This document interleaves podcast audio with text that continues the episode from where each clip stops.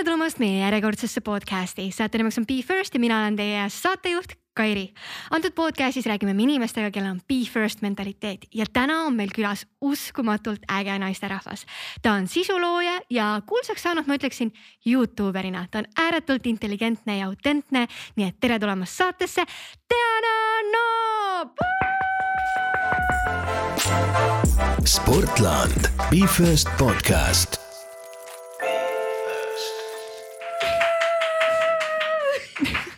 aitäh, et kutsusid, ma olen väga seda kutset oodanud. ahaa ja..., nii, kui kaua sa oodanud oled, me oleme kolm aastat teinud seda podcast'i nüüd no, kaua siis, sa seda oodanud oled? siis kolm aastat.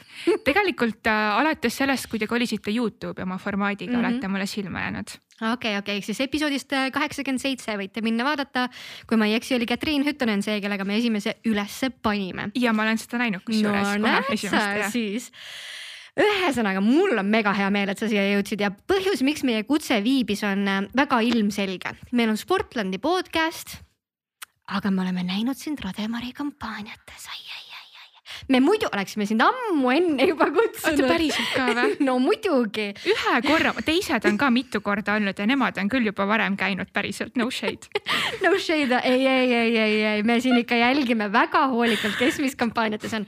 aga originaalis olid sa ikkagi kõige esimene, esimesena Sportlandi treeningkampaanias, enne kui sa Rademariga tegid, nii et ja. we have dibs, we were first. Te olite minu üks esimesi koostöid ja vist kõige esimene selline rahaline koostöö. no ma räägin, me oleme ikka be first alati. olite aga täna meil siis podcast'is, äh, me alustame täpselt samamoodi nagu alati, esimeste mänguga. nii et mina küsin sinu esimeste kohta ja sina vastad mm. -hmm kas sa juba tead ka, mis sind ees ootab, oled sa kuulanud neid podcast'e? ja ma olen kogu aeg kaasa mänginud, eriti mm. siin nüüd viimane nädal, kui ma teadsin, et ma tulen siia, ma lihtsalt tegin kõik esimesed läbi. okei no siis hakkame otsast tulistama. esimene äpp, mille telefoni haarates avad ma täna hommikul tegin testi ja see on, ma pean tunnistama, Instagram oh,. tõesti, ma oleks millegipärast arvanud, et TikTok. ei, sest TikTokis ei tule niimoodi teavitusi. Instagramis vaata ikka tuttavad kirjutavad, siis tulevad teavitused. kuigi oleneb, kui ma olen just pannud Youtube'i video, siis see võib vabalt ka olla mitte Youtube'i äpp, aga Youtube'i stuudio äpp, mis on mm. siis creator itele eraldi. et lähed, loed kõik kommentaarid ära ja vastad ka? jah. kui aktiivne sa üldse oled, et kui keegi kommenteerib su videode alla, kas sa võtad selle oma nii-öelda missiooniks päriselt kõigile vastata? tead, ma olen võib-olla isegi liiga aktiivne, sest isegi kui ma pole pannud kaks nädalat videoid, ma ikkagi nagu refresh in seda mitu korda päevas ja vastan. sa oled nii tubli. see on nagu probleem aga see on nii tore tegelikult, kui nagu sisulooja, kelle videosid sa vaatad, päriselt räägib sulle vastu nagu, et sa yeah. nagu reaalajas, et yeah,. Yeah. Makes me feel special, ma nüüd siis tean, ma hakkan siis kommenteerima ja ma jään ootama vastuseid. ja ma igas videos küsin mitu küsimust. seda ma tean, aga, aga ma tahan ikka nagu unikaalne olla ja midagi okay. muud kirjutada onju okay., ma tean, et sul on lõpus alati selline emoji teema, et kui mm -hmm. siiamaani jõudsid onju mm. -hmm. ma, ma, ma tahan ikka veel erilisem olla okay. aga miks siis Instagramis äh, tänasel hetkel väga paljud sisuloojad ütlevad ju tegelikult, et noh, see on ikka surev kanal juba, sinul veel ei ole seda tunnet? on. Aga samas meil ei ole teist sellist pildiäppi, et teda pole veel millegagi asendatud ja mulle meeldib pilte teha mm, -hmm. et seni kuni midagi paremat tasemele ei tule, mina olen Instagramis, mina näiteks Be-Realis, on Be-Real see või? Be-Real. ma ei ole seal, ma ei ole seal. proovi korra. aga, aga sa ei saa, kas sa, kas see mitte ei ole niimoodi, et ainult sa saad enda nagu sõpru jälgida, et. Mm -hmm. aga siis see pole avalik ju, see pole sama asi ma ei saa siis nagu jälgijatega suhelda ju. ei no sa võid sinna ju lasta kõik inimesed, sa ei pea ainult nagu, sa võid ka kõik inimesed vastu võtta, keda sa tahad, et seal mingit Aa. piirangut ei ole, kui sul on viiskümmend tuhat sõpra, siis go for it, have fun. okei, okei, siis ma võib-olla mõtlen ümber, sest nagu sõpradele niisama, mul on mingi, ma ei tea, paar sõpra onju, ma niikuinii saadan neile pilte, nad ei taha mind rohkem näha ju. seal on võlu on lihtsalt selles, et kõigile tuleb ju ühel ja samal ajal teavitus, mis tähendab seda, et sa pildistad täpselt selles ajahetkes Aa. ja kahepoolse kaameraga. nii et see on nagu sihuke, et sa saad täpselt teada, mida keegi teeb sellel kellaajal ehk su sõpruskonnas? ma olen kas arvutis või koeraga õues või trennis. kusjuures pean ütlema, et enamus inimeste piirilid on sellised.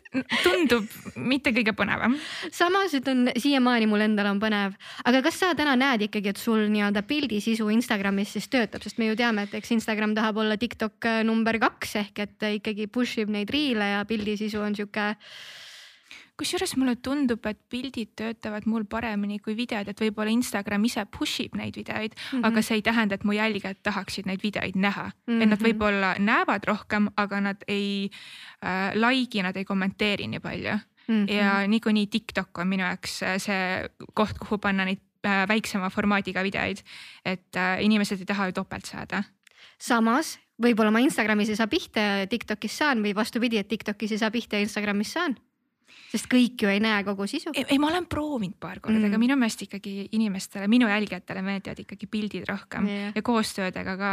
ma olen mitu korda üritanud klienti ümber veenda, et võib-olla see video pole parim, ma saan aru, et see platvorm nagu liigub selles suunas, aga minu jälgijad ei lähe sellega kaasa mm. -hmm. mis tegelikult on hea, sest et meil ei ole, ma ütlesin, eraldi sellist pildiplatvormi nagu Instagram. no nüüd tuli Videod Veero on ju siis, mida kõik push ivad ah?, Veero ehk siis Veero on full on pildiplatvorm äh,. USA-s on ta juba noh, juba kasvab ja on suurem okay., aga ta ei ole muidugi nii suur nagu kasutajanumbrite poolest, et cool,. aga no nüüd saad alla tõmmata ja näppida, et seal on täitsa pildialbumid ja siuksed asjad, et, et ta ongi okay. loodud sellepärast, et noh, ilmselgelt inimesed yeah. otsivad ju kohta, kus mm -hmm. panna pilte üles, et see on fotograafide poolt loodud, kui ma ei eksi. jah, okei okay., seda peaks küll uurima jah no mina läksin juba sinuga kuhugile teise maailma, aga jätkame esimeste mänguga ja minu järgmine küsimus on siis esimene story time.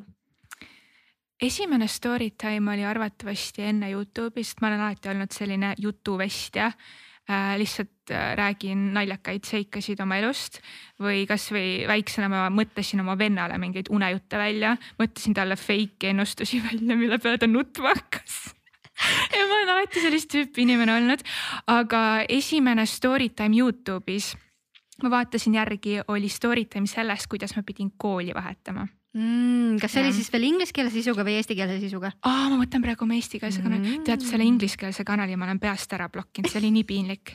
ma ei tea, mis, tegelikult ma võib-olla arvan, mis see võis olla. Nonii. äkki see oli story time äh, mingi horror story minu toakaaslasest ja ma rääkisin modellinduse aegadest. äkki oli see video? see kõlab mulle ka kuidagi väga tuttavalt. ja sellel oli hästi palju vaatamisi see läks suht jah suureks. ma rohkem ei mäleta, ma oleks pannud story time'i inglise keeles üles kui meil on praegu mõni kuulaja, kes ei ole Youtube'i maailmas võib-olla nii sees, sest see trend on nagu kinda ära kadunud mm. -hmm. vanasti oli story time oli põhiformaat yeah,, mida tehti onju yeah,. Yeah. et siis mida story time endast üldse kujutab? Äh, Storytime on selline jutu vestmine hästi dramaatiliselt, hästi detailselt. Ja ähm, jah. Ma lihtsalt ise mäletan sellest ajast, et nagu iga teine video oli mingi how my cab driver tried to kill me ja ja need olid tihti nagu üle dramatiseeritud äh,. tihti, mitte mul isiklikult, aga paljudel tuli hiljem välja, et need olid täiesti fake'id, välja mõeldud või hoopis kellegi teise story'd, et mina pole nii kunagi teinud mm. -hmm. sest nagu mis mõttega sa räägid, sind enam ei usuta ja mis mõttega sa vaatad seda story time'i vaata aga eks see sõltub ka on ju, et tegelikult kui mu eesmärk on sinu meelt lahutada ja ma olen jutuvestja, siis kas on vahet, kas on minu lugu või mitte? Youtube'is on suur vahe, sest Youtube'is on number üks autentsus kui sa selle kaotad, siis sind pole enam mõtet jälgida, siis sa lähed juba kuskile, ma ei tea, Disney kanali peale, pigem vaatad seda. Lähed vaatad Frozenit fiktsiooni. kas sul ei ole olnud ühtegi draamat või sellist olukorda, kus sa justkui võib-olla võiksid kaotada oma autentsuse? ei, ei tule praegu meelde küll, sest see on nii oluline minu jaoks.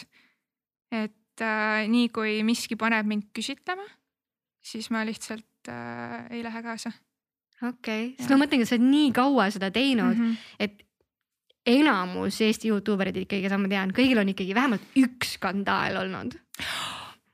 Nonii, tuli.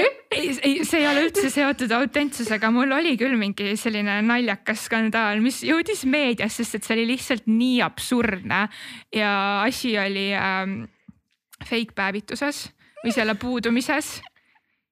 ja Täpsusta. inimesed, inimesed said pahaseks sest ma rääkisin oma valgest nahast ja noh, ma põhimõtteliselt äh, pidevalt kasutasin fake päevitustooteid ja siis ma korraks lõpetasin selle kasutamise ja siis ütlesin, et tead, mulle täitsa meeldib niimoodi valge olla ja sellest tehti suur skandaal, et kuidas ma nii ütlesin jaa, okei okay., see on seda? nüüd küll pastakast välja imetud, aga ma mäletan see väga oli, paljud sisuloojad. see oli lihtsalt naljakas, sest mul, mul midagi sellist tõsist yeah. ütleks vist ei ole olnud sest ma ei ole midagi paha teinud. ma olen nagu reaalselt selline korralik äh, tüdruk mm. -hmm. või siis sa lihtsalt ei pane kaamerat käima siis, kui sa ei ole korralik. ei, aga ma ei tee mitte midagi sellist illegaalset või paha.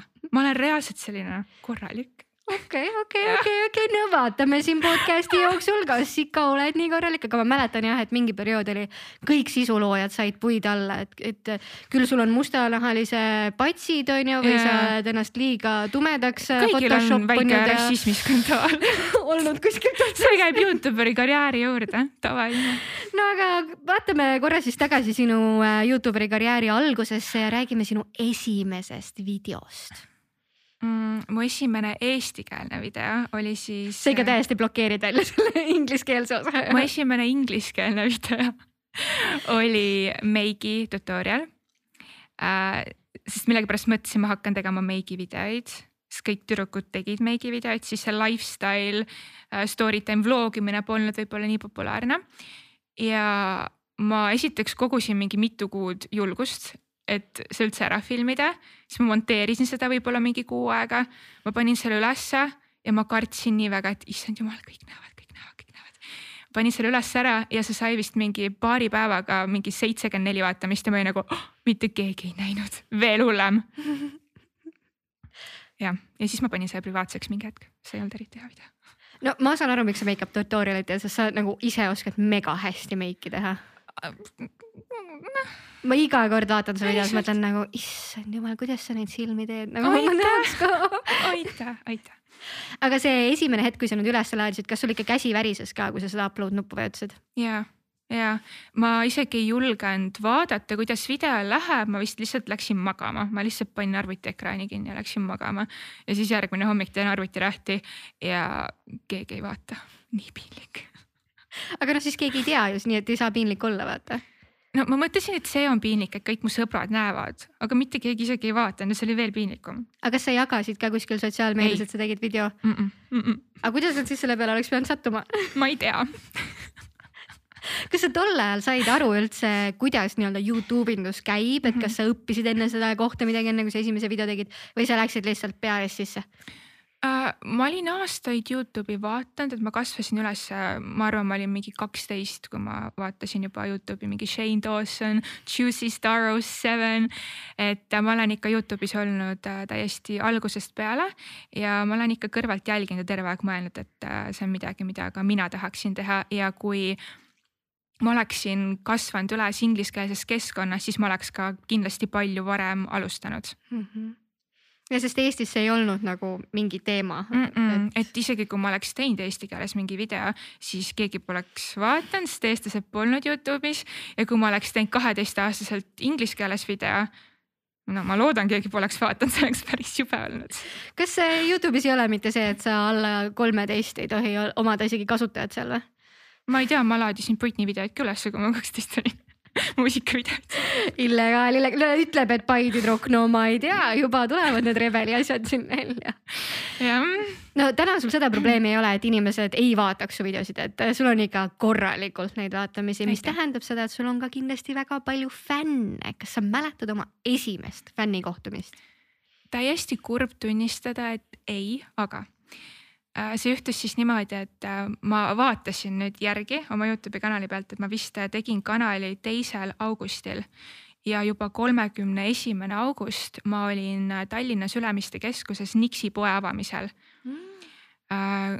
kus oli jah poe avamine ja lisaks seal oli mingi Q&A paneel, mingid meigi workshop'id ja oli hästi palju rahvast kokku kutsutud ja seal ma kohtusin korraga juba mingi saja fänniga nagu nullist sajani otseses mõttes ja kaks päeva hiljem oli Eesti Youtuberid live, kus ma ka millegipärast, ma olin alla kuu aja videoid teinud, mind kutsuti kohale ja seal ma nägin juba sadu ja sadu fänne.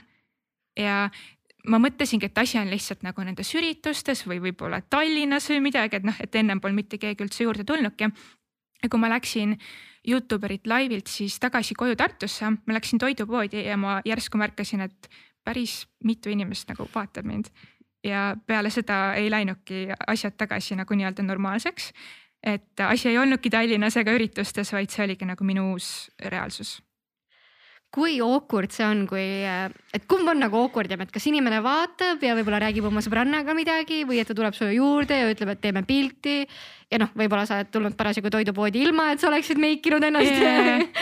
ei, pigem ikka tulla juurde, sest kui keegi kuskil kaugel sosistab, siis sa kunagi ei tea, vaata, kas tal on nagu head kavatsused või halvad, kas ta naerab su üle või ta nagu imetleb sind või mis iganes, et alati on pigem parem, kui ikkagi tullakse juurde.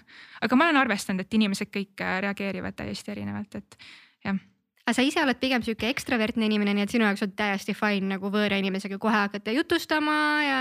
ja, aga nagu minu jälgijad ei ole nagu võõrad, sest nad teavad minust nii palju. Nad teavad nii palju, et ma nagu tunnen, nagu me teaks üksteist. aga samas sa ei tea nende kohta midagi. ja, aga need, kellele mina meeldin, me oleme mõnes mõttes võib-olla sarnased mm. klapime, et tihti tulevadki mingid tüdrukud juurde, hakkavad rääkima, mul on selline tunne, nagu me oleks sõbrannad, eriti kui meil on vanuses väiksem vahe, on ju. kes sul on üldse nii-öelda põhifännid, et mis sul see demograafia on, kes sind jälgivad? no statistika ütleb äh, kõige rohkem on vist kaheksateist kuni kakskümmend viis, siis järgneb kakskümmend viis kuni kolmkümmend viis ja alles siis tulevad alaealised. aga samas seda ei saa usaldada, sellepärast et äh, need kontod on tehtud võib-olla valede äh, sünniaastatega. nagu sinagi ilmselgelt pidid tegema, kui sa seal kaheteistaastaselt videosid üles panid. ma arvan, siis isegi ei olnud neid äh, reegleid, see oli nii ammu. ma millegipärast arvan, et see on algusest peale olnud oh., aga noh, rebel to the max, mis seal ikka jah um,, millest me rääkisime? Fännidest üldiselt, aga kuidas sul nagu täna on, et kas sul on olnud mõni olukord, kus sa mõtled, ma üldse ei tahaks praegu pilti sinuga teha? millegipärast see reegel, kui ma pärast trenni punase näoga läbi higistatud juustega lähen poodi, mult küsitakse pilti ja ma alati, see on mu life hack, ma võtan trennikoti kaasa, siis on vähemalt vabandus, et ma päriselt, ma tulin trennist, ma ei ole niisama näost punane ja higine aga teed ikkagi pildi ära või oled ja. nagu okei okay,, okei okay,? ei, ma ei, ma ei tohi keelduda. ma ei, ma ei kujuta ette, ma keelduks, peab ikka väga-väga mõjuv põhjus olema, kui ma nutaks, kui, kui ma, ma ei tea ma, ma oleks mingi suures õnnetuses just olnud ja nutaks, siis ma võib-olla ütleks, et ma praegu ei suuda. aga muidu ma ei kujuta ette, et ma ütleks ei sa oled ikka nii nunnu, ma ikka nagu vahel mõtleks küll, et ma ei tea, kas on vaja internetiavarustesse sihukest pilti, kus ma olen just trennist tulnud punase näoga. ja eks ma loodan, et see ei jõua kuskile, enamasti need ei jõuagi kuskile, õnneks see ongi kuskil telefonis või võib-olla Snapchatis või mm. -hmm. Ja. Ja, noh, mul Snappi ei ole, ma ei näe. kuidas sa Snapist pääsesid, sul ikka kunagi oli ju, ma oli... ikka mäletan, et sul oli jah. kas sa kasutad praegu Snappi või? no ainult selle jaoks, et mingi noorema generatsiooni inimestega suhelda nagu. Et pigem ikka väga-väga-väga harva uh,. ma vist läksin siis ära, kui tulid Instagrami story'd, mille mm. vastu by the way ma nii väga olin, mõtlesin, milleks, mul on Snapchat olemas, aga see Instagrami story kuidagi ikkagi töötab paremini ja siis ma kolisin sinna üle ja ma boikotasin ka väga-väga pikalt, aga lihtsalt oligi Instagrami story oli nii palju esteetilisemate võimalustega, et olidki nagu oh,. täiega. Need filtrid on nii palju paremad kuigi mulle väga meeldis see koerafilter, mis oli Snapchatis, see oli üks mu lemmikuid. ja, need olid head, need olid head oh,. ja siis see, kus need südamekesed olid üldse kõik mingid, mul oli isegi Facebooki profiilipilt oli mingi filtriga, kus olid mingi Halo asjad. ja, ja mingi... mul on Instas kusjuures vist, ma ei tea, kas see on ikka veel üleval, aga mingi hetk oli äh, voodis tehtud pilt, kus ma, kus ma olin just vist juuksed tumedaks värvinud ja mul olid südamekesed peas mm. -hmm, jep mm, -hmm. või olid blondiks värvitud, ma ei tea, voodis südametega voodis südametega, otsige ülesse, vaadake järgmiselt Instagramis aga me oleme jõudnud esimeste mängu kahe viimase küsimuseni ja järgmine neist on minu lemmikküsimus. No.. esimene lemmikloom. minu esimene lemmikloom oli koer Tommy ma olin kuskil kaheksa-üheksa aastane, algklassides suvel võtsime. Ja vanemad ütlesidki, et ta on täiesti minu koer, et mina saan talle nime valida. Ja mul oli kolm varianti, spoiler, ma valisin Tommy, aga variant number kaks oli Chappy. ja variant number kolm, kas sa suudad pakkuda? kas on veel mingi toidufirma? Korralda, ma ei tea neid. Pedigree aga küsimus dental sticks on ka pedigrii oma ja oleks pidanud selle kokku panema. mis tähendab koera sugupuu. ja mu vanemad reaalselt oleks lubanud. Imagine ei no ega lapsel peab laskma ikka otsustada ka, ei saa siin nii. oh my god, nad lubasid mul ise riideid ka valida algklassidest, see oli kohutav. mina oma lapsel küll nii palju ei luba. vahepeal on ikka natukene nagu suunamist koera nimeks sugupuu panna, sorry, aga ei. Oota, aga mis su nagu kõige katastroofilisem nii-öelda outfit oli, mida sa noorena selga panid? mul on pilt sellest, ega ma isegi seda outfit'i ei mäleta Äh, ma tean, et ma kandsin päris tihti dresse, millel oli all kummid ja nad olid nagu tumesinised ja mitte kõige kenamad, aga mida ma kandsin aksessuaarina. nii koduvõtit. jaa. Paela otsas, must pael, mis oli mingi õllebrändi oma vist või, äkki, äkki Rock või oli? jaa, kindlasti jah. Rock selline äh, must kaelarihm, kus oli koduvõti ja mänguasi hiiremängu asi, mis pidi olema nagu võtmehoidja, et ta sobiks sinna, aga ta oli kuskil nii suur. ja ma käisin niimoodi koolis iga päev. kuule, ära ütle, et sa ei ole trennikas, ma tegin sama ma arvan, et see oli cool mingi hetk lihtsalt nagu ja mul oli ka ikka nagu ikka võtmed olid käelas niimoodi jah ja.. ma käisin sellega igal pool, sest mul on pilt, kus ma olen esinemas, ma laulan koolis lava peal. mul on juuksed taga, mis, mis, mis selle kohta öeldakse siin taga all pats? lihtsalt mingi ponytail või, või alumine või? jaa, see on nagu mingi ma ei mäleta, mis see sõna on mingi töölise pats, mis iganes okay.. see pats ja siis mul on see suur kaelarihm lihtsalt siin kaelas koos võtmega, mänguasjaga, ma esinen, see oli mu esinemis outfit'i juures. ma ikka üldse ei mõelnud läbi. ma arvan, et sa olid stiiliikoon, sa olid lihtsalt nagu ajast ees või lihtsalt mm,. sinna aega pole veel jõudnud jah okei okay,, aga me oleme jõudnud omadega viimase küsimuseni esimeste mängus ja selleks on esimene kord kui olid enda üle uhke? Võib-olla siis, kui ma alustasin modellindusega, kui ma olin kolmteist ähm,. ma olin uhke, sest esiteks äh, kõik mõtlesid, et see on super lahe, ma ise mõtlesin, see on lahe.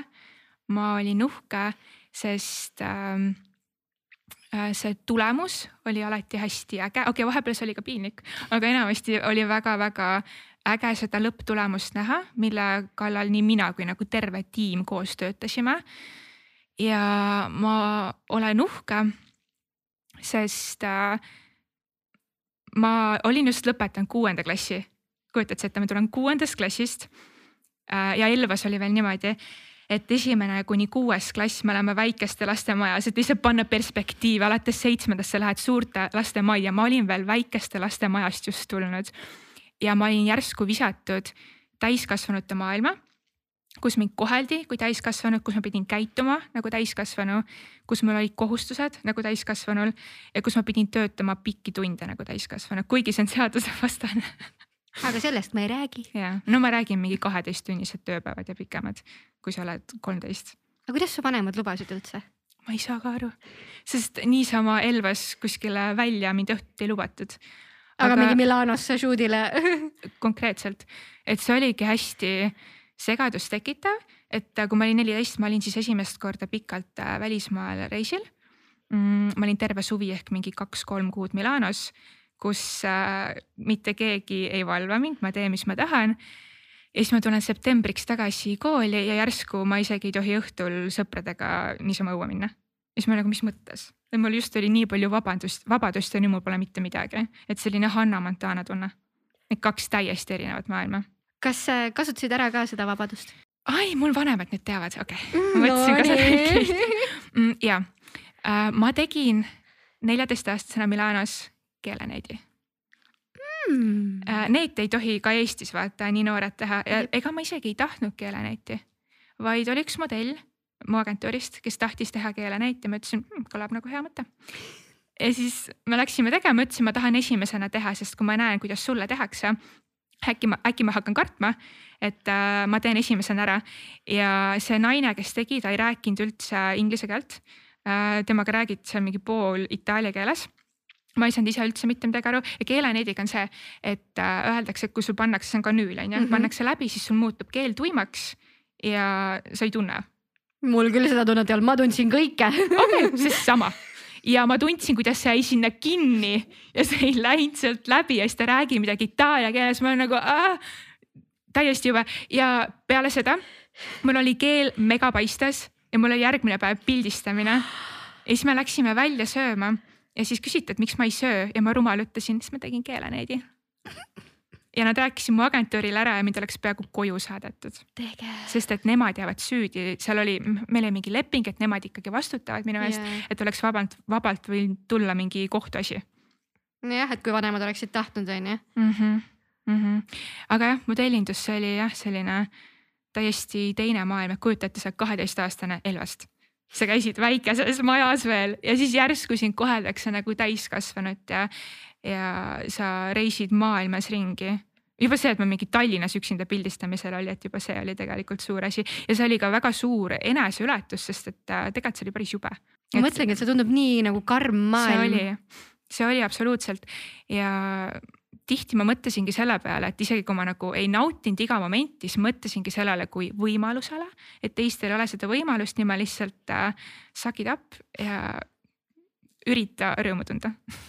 aga kuidas sa nii noorena oskasid juba niimoodi mõelda? ma ei tea. ma mängisin barbidega kodus kusjuures aasta enne ma mängisingi barbidega. ma lõpetasin umbes, kui ma olin kaksteist jah ei, reaalselt ma mõtlesin, mul, mul oli suur mure väiksena, et äh, ma olen üks nendest, kes ei lõpeta kunagi barbidega mängimist, sest et minu sõbrad võib-olla lihtsalt ei ütle mulle, aga nemad nagu väidetavalt juba ammu ei mänginud, aga mina ikka veel mängisin.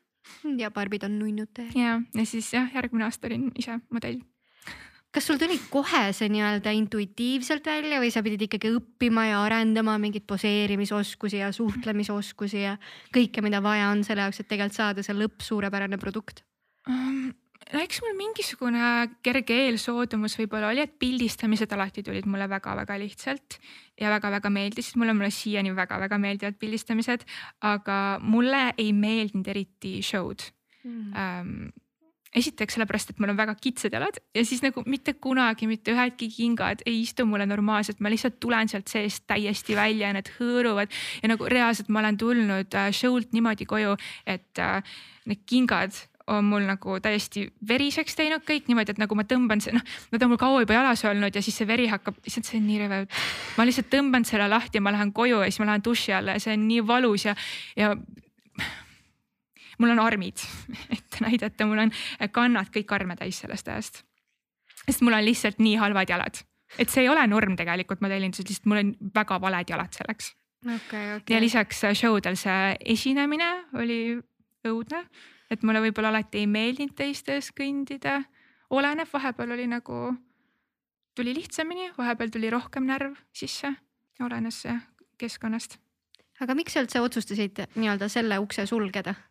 Seal ei olnudki ühte sellist otsust, aga ma alustasin, kui ma olin kolmteist on ju ja ma olin ilmselgelt veel lapse kehaga ja asi, kõige hullem asi, mida sa saad teha, on kasvatada endale puusad. ja ükskõik kui palju ma ka nagu alla ei võtnud, ükskõik kui peenike ma ka ei olnud, siis nagu ümbermõõt oli ikkagi natukene rohkem kui peaks. ja siis sellepärast see tegi mul, mulle selle töötamise natuke raskemaks ja lisaks ma olin koolis. Et äh, mida suuremasse klassi ma läksin, seda rohkem ma pidin ikkagi koolile pühenduma. eriti gümnaasiumit, põhikoolis no tegelikult alguses oli küll, ma mäletan, klassijuhataja tuli esimene aasta minuga rääkima, et Diana, kas sul oleks vaja minna mingi eraldi programmi peale, et äkki sa peaksid koolist ära tulema, minema e-õppele ja see siis veel ei olnud tavaline, vaata praegu mm -hmm. on noh, pandeemiad ja asjad. Äh, et e-õpe on tavaline, aga siis ma ei teadnud mitte kedagi, kes oleks e-õppe peal ja klassijuhataja tuli ise minuga rääkima, siis ma lihtsalt puudusin nii palju, aga samas see ei tekitanud mulle väga suuri probleeme. aga gümnaasiumis ikkagi pidi juba rohkem õppima ja siis ma noh, lihtsalt juba kontrolltöid oli sul nii palju rohkem, et sa ei saanud puududa, nii kui sa ju mingi nädala puudud, on halvasti mm. -hmm. ja mul lihtsalt ei olnud aega, pluss siis see puusade teema. aga räägi mulle paari sõnaga sellest puusade teemast no,. ilmselgelt sa ei saa dikteerida oma kehale, et kuule mm, -hmm. puusad on nagu puusaluu on ju, sa ei saa luud kokku võtta. konkreetselt. et kuidas sinu jaoks see välja nägi, et sa ütlesid, et isegi kui sa dieeti pidasid, kas sa päriselt mhm. pidasid dieeti selle jaoks, et mahtuda mingitesse ja kas see oli healthy dieet või see oli sihuke, et söön vatitupse? ei, vatitupse ma pole söönud oh,. ma isegi ei tea, kas rääkida, kõige traumaatilisem Äh, ma olin vist äkki viisteist, kui ma õigesti mäletan. Äh, ja ma pidin minema New Yorki ja mind pandi hullu dieedi peale ja ma ise päriselt tahtsin väga New Yorki minna, sest ma nägin enda tulevikku ette Ameerikas. ja ma mõtlesingi, et, et jah, et nagu ma teen selle esimese New Yorgi reisiga siis äh, algust sellega. ja ma käisin jooksmas, ma sõin vähe ja noh, tervislikult ma enam šokolaadikomme niimoodi ei söönud ja ma lihtsalt ütlen, et isegi kui mind pandi dieedile, ma olin juba kõvasti jalakaalus, lihtsalt mm -hmm. mu mhm. puusad olid natukene laiemad. ja ma olin paar kuud niimoodi dieedi peal saatsin Elvast agentuurile pildid, et milline ma välja näen, ütlesid ja, et sa näed päris hea välja, aga enne kui sa lähed, et tule ikkagi läbi ja mõõdame sind üle ka, on ju, et ei peaks probleeme olema. ja ma sõitsin bussiga Tartust äh, Tallinnasse ja ma mäletan, mu ees istus umbes minu vanuste äh, noorte kamp, kes sõid mingi krõpsu ja šokolaadi sõtsaru, ma olin nii näljas. nii raske ja siis ma lihtsalt mõtlesin, et ja, et noh teeme need mõõdud asjad ära, et siis ma nagu söön natukene äh,. jah, et siis lähme New Yorki ja see on kõik seda väärt äh,. igal juhul ma jõudsin kohale agentuuris vaadatakse, et tead, visuaalselt sa oled väga heas vormis, aga mõõdame ja mu puusad olid kaks sentimeetrit liiga suured ja öeldi, et sa ei lähe New Yorki. ma läksin, ma läksin koju nutma, ma läksin Hesburgerist läbi ja ma läksin äh, oma Tallinna koju nutma. ja selle asemel mind saadeti Londonisse ja ma ei saanudki oma Ameerika reisi täiesti ulme, kas, kas see tähendab? ma olin viisteist. ma mõtlengi, kas see dieet tuli siis, et sa ütlesid, et pandi dieedile, et ongi agentuuri poolt tuli siis nii-öelda juhised enam-vähem, et kuidas nagu ma isegi ei mäleta, ma isegi ei mäleta, mida ma täpselt sõin, nagu mul selles mm -hmm. mõttes vanemad tegid kodus niikuinii tervislikku sööki. pigem oligi see, et äh, ma üritasin rohkem salateid süüa, aga selles vanuses mulle ei maitsenud salatid ja ma siis loobusin mingitest kommidest, krõpsudest, šokolaadist, mida mulle väga meeldis süüa. Äh, ja, ja siis vist kokasiirat veel ei olnud. ah oh,, mu lemmik okei okay,, no see modellikarjäär on ikka ulmekarjäär ja ma kujutan ette, et selle kohta võiks täiesti mm. eraldi podcast'i saate teha. ja, ja ma ei taha jätta mulje, nagu see oleks ainult halb olnud, see oli kindlasti ka väga ägedaid hetki ja ma poleks see inimene, kes ma olen. Ilma selleta, et see ikkagi kujundas mind väga palju ja see avardas väga mu maailma. Et äh, neljateistaastasena mõtle välismaal elada. Ja veel ma ei osanud kaarti lugeda, onju. Ja sellel ajal ei olnud mingi kepsi sul telefonis, mul polnud isegi telefonis internetti, oh my god ja mulle lihtsalt antigi füüsiline kaart kätte ma pidin niimoodi linna peal metroodes igal pool ringi käima ja ma eksisin kogu aeg ära appi, ma sain nii palju pahandada, aga ma ei saanud aru. no reisi lõpuks ma õppisin, kuidas kaarte lugeda, aga jah, see oli suur probleem, esimene reis, teised reisid olid juba lihtsamad. kas ma mäletan õigesti, et top modelis või Ameerika top modelis oli ka samamoodi, et anti kaardid kätte ja hästi paljud eksisid ära kuhugi ja, ja sest... ei jõudnud casting utele ja no nüüd see on nii lihtne, sa lihtsalt otsid nagu kahe tänava risti seal sa oled. ma ei tea, kuidas ma sellest aru ei saanud, aga ma olin liiga väike selleks lihtsalt. lihtsalt tõenäoliselt too overwhelming on ju, et liiga palju asju korraga nagu. no me oleme jõudnud oma esimeste mänguga ühele poole, aplaus, aplaus, aplaus, ma arvan, et see, see kvalifitseerub äh, sinna pikemate kanti. päriselt või? aga see on nüüd, ma olen kiire rääkija. ei no aga meil on väga palju rääkida, et sisu ja. on palju okay. ja selle jaoks inimesed siia tulevadki. aga mina räägiksin edasi, et sa ütlesid, et äh, põhikoolis sa pidid ikkagi käima kohal ja õppima, onju, või noh, keskkoolis siis täpselt. gümnaasiumis pigem. gümnaasiumis jah ja. aga sa otsustasid peale seda veel, et sa lähed ka ülikooli. millest tuli sinu valik, miks just ajakirjandus ja kommunikatsioon? Äh, valik, et ma läksin ülikooli, mul tegelikult isegi ei olnud valikut, see oli lihtsalt äh, mu pere poolt, et see on see, mis sa teed täna sul ei ole võimalustki sellest kõrvale viilida, meie käime ülikoolis tegelikult ajakirjandus ja kommunikatsioon ei olnud mu esimene valik, et äh, esimesena ma läksin inglise keelt õppima ja ma läksin sinna nii, et äh, ma kasutasin elimineerimismeetodit, et kuhu ma minna ei saa. ja see elimineeris juba enamus erialad, sellepärast et äh, reaalained ei ole mu lemmikud, ütleme nii. halleluuja. jah, et ja lisaks ma tahtsin minna kindlasti Tartu Ülikooli et äh, elada edasi Tartus ja lisaks Tartu Ülikool on Eesti parim ülikool, lihtsalt statistiliselt juba mm. -hmm. no shade okay., no shade. okei okei ja äh, ma läksin siis inglise keelde, sest et ta oli humanitaarala ja ma mõtlesingi, et mis mulle koolis kõige lihtsamini tuli, inglise keel, onju. Um, ja ma olin seal aasta aega ära ja mulle isegi meeldis, aga siis ma hakkasin mõtlema, et aga mida ma teen sellega mida ma teen, kas ma lähen tõlgiks? võib-olla, selle vastu pole mul väga midagi või mingi õpetajaks. ei kujuta mind ette ja ma mõtlesingi, et äh, võib-olla peaks ümber mõtlema, et mida ma võiks päriselt kasutada ka enda isiklikus elus. ja siis ma vaatasin uuesti need erialad üle ja mulle jäi silma ajakirjandus ja kommunikatsioon. et äh, tegelikult ma õppisin laiendatud kommunikatsiooni et ajakirjandus ja kommunikatsioon, ta on ühe eriala all, aga sa saad neid eraldi õppida, sa võid õppida ainult ajakirjandust, ainult kommunikatsiooni või mingi kommunikatsiooni ja inglise keelt kõrval erialana näiteks. ja mina siis võtsin laiendatud kommunikatsiooni. ja see lihtsalt tundus põnev ja mind on alati huvitanud äh, reklaamindus, see kõlab hästi imelikult, aga Elvas meil oli sünnipäevadel selline mäng, et äh, meile anti mingi esa ja siis meid pandi tiimidesse ja me pidime välja mõtlema reklaami ja see oli mul lemmikmäng ja ma alati võitsin. jah, et äh, kunagi meil oli lausa unistus töötada kuskil reklaamibüroos väiksena, et äh, mind oli alati natukene sinnapoole tõmmanud, isegi see sotsiaalmeedia ka, et ma juba äh, tegin ingliskeelse Youtube'i kanali vist selleks ajaks. ja äh, see lihtsalt tundus selline loogiline ja loomulik suund mulle võib-olla kas äh, pärast seda, kui sa kraadi kätte said, mõtlesid ka korraks, et oh, nii nüüd ma lähen reklaamiagentuuri tööle või kuhugile meediaagentuuri tööle äh,? meil Tartus ei ole väga palju neid agentuure äh,. mul oli äh, ülikooli ja pärast räägime ka sellest, kuidas ma läksin kutsekooli on ju, selle vahel oli paar kuud ainult, kus ma vaatasingi üle need tööpakkumised, aga siis mul täpselt hakkas äh, Youtube'is hästi minema, et ma juba keskendusin sellele et äh, kui oleks olnud mingi ülihea tööpakkumine, siis võib-olla oleks asjad teisiti läinud, võib-olla ma töötaks praegu kuskil kellegi teisel.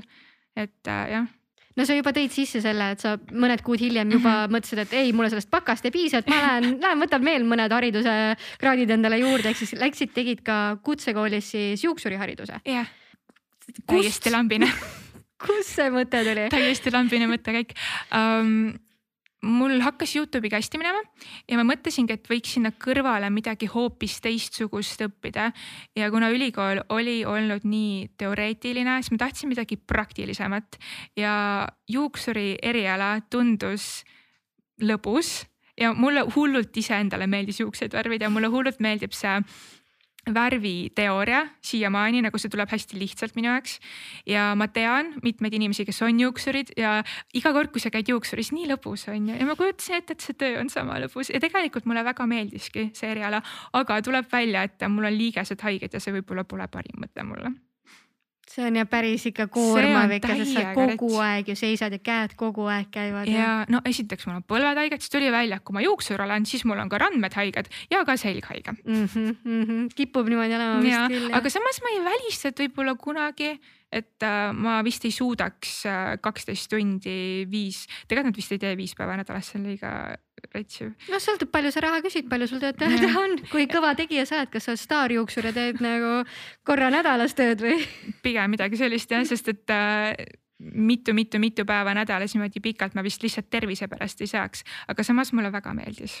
noh, teatud tööd, teatud tööd, värvitööd mulle väga meeldisid ja ma tundsin, ma olin nagu päris hea selles ma tean, et minu põlvkonnas veel on sihuke väike nagu stigma kutsekooliga, et sinna mm. lähevad need, kes nagu päris ülikooli sisse ei saa.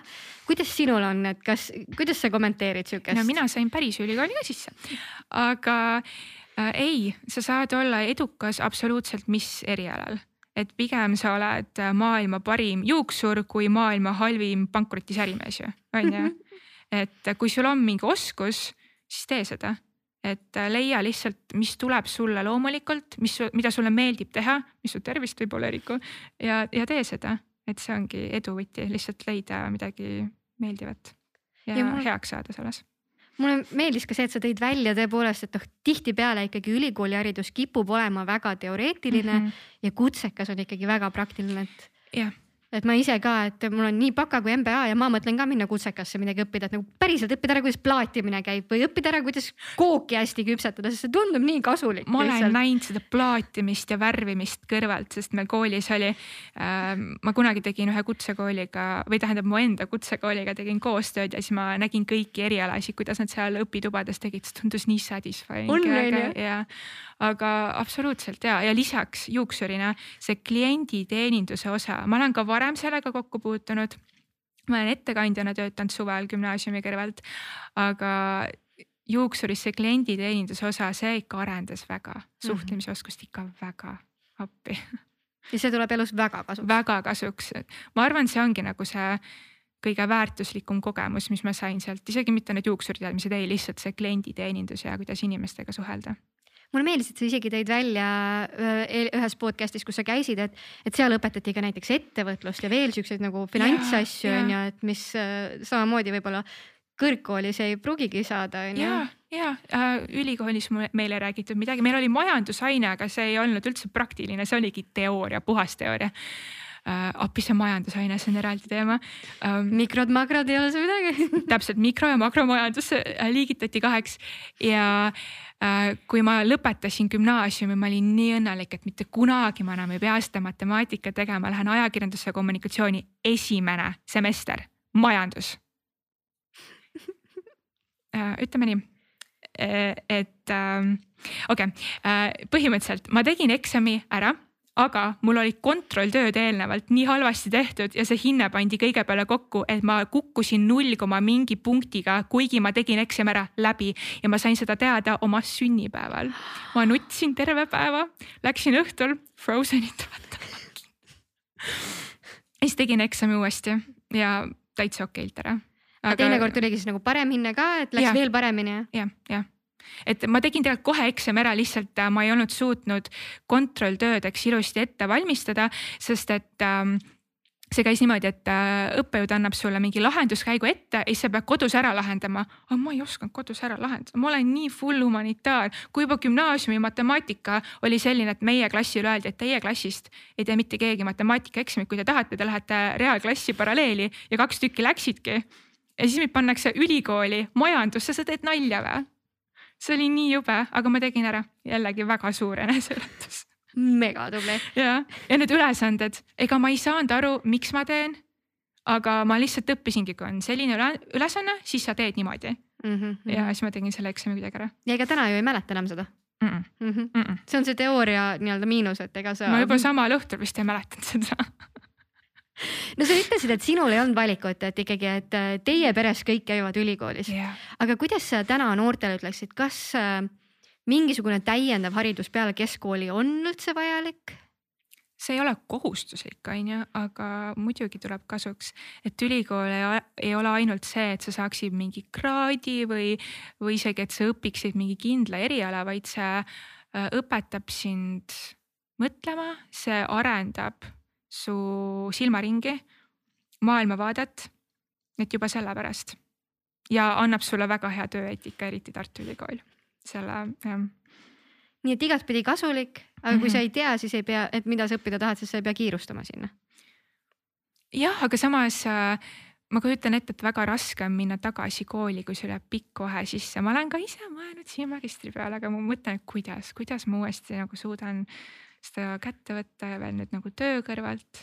no lihtsalt et lähed on... ja hakkad pihta. ja, aga noh, nüüd see on palju raskem, et, et ähm, ja mina ikkagi olen selle poolt, et kui vähegi võimalik, siis mine kohe mm. -hmm. et kui sa ikkagi tahad minna päriselt ülikooli mm. -hmm. pärast on raskem tagasi minna. ja see on ka väga õige point, et kui äh, mingi hetk tundubki, et ei õpi õiget asja, siis vahetad lihtsalt eriala. jah, jah no täpselt.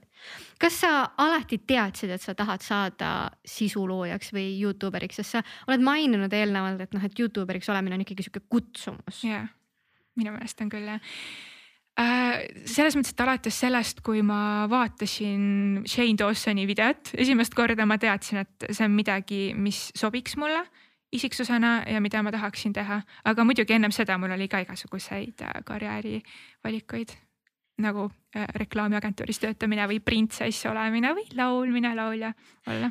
aga seal vahepeal ei olnudki midagi muud, et oligi ikkagi nagu sihuke full on eesmärk, et. ja kas printsess või Youtuber midagi vahepealset ei no väga legit äh, eesmärgid mõlemad, ma ei oska aga mis hetkel, üks asi on see, et sa unistad, et ma tahan saada Youtuberiks, aga mis hetkest sa tundsid, et see päriselt on sinu töö?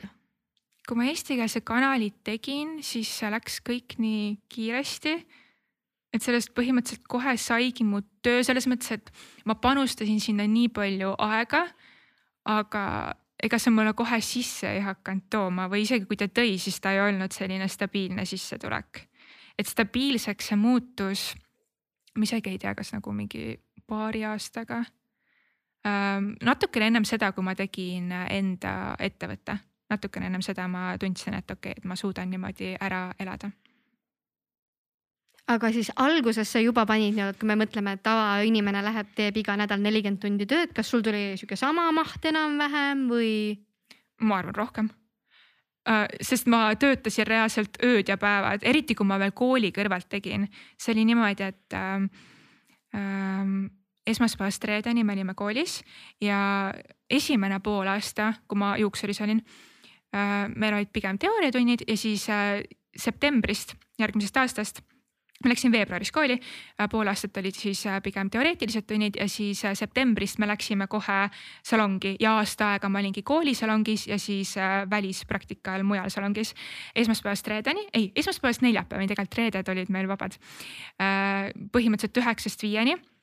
ja siis nädalavahetustati ma filmisin ja kõige suurema osa ajast võtab ikkagi monteerimine ja seda ma tegin lihtsalt öösiti Mm -hmm. et mul, mul ei olnud aega magadagi ja ma arvan, mu töötunnid tulid kindlasti jah täis ja rohkemgi veel.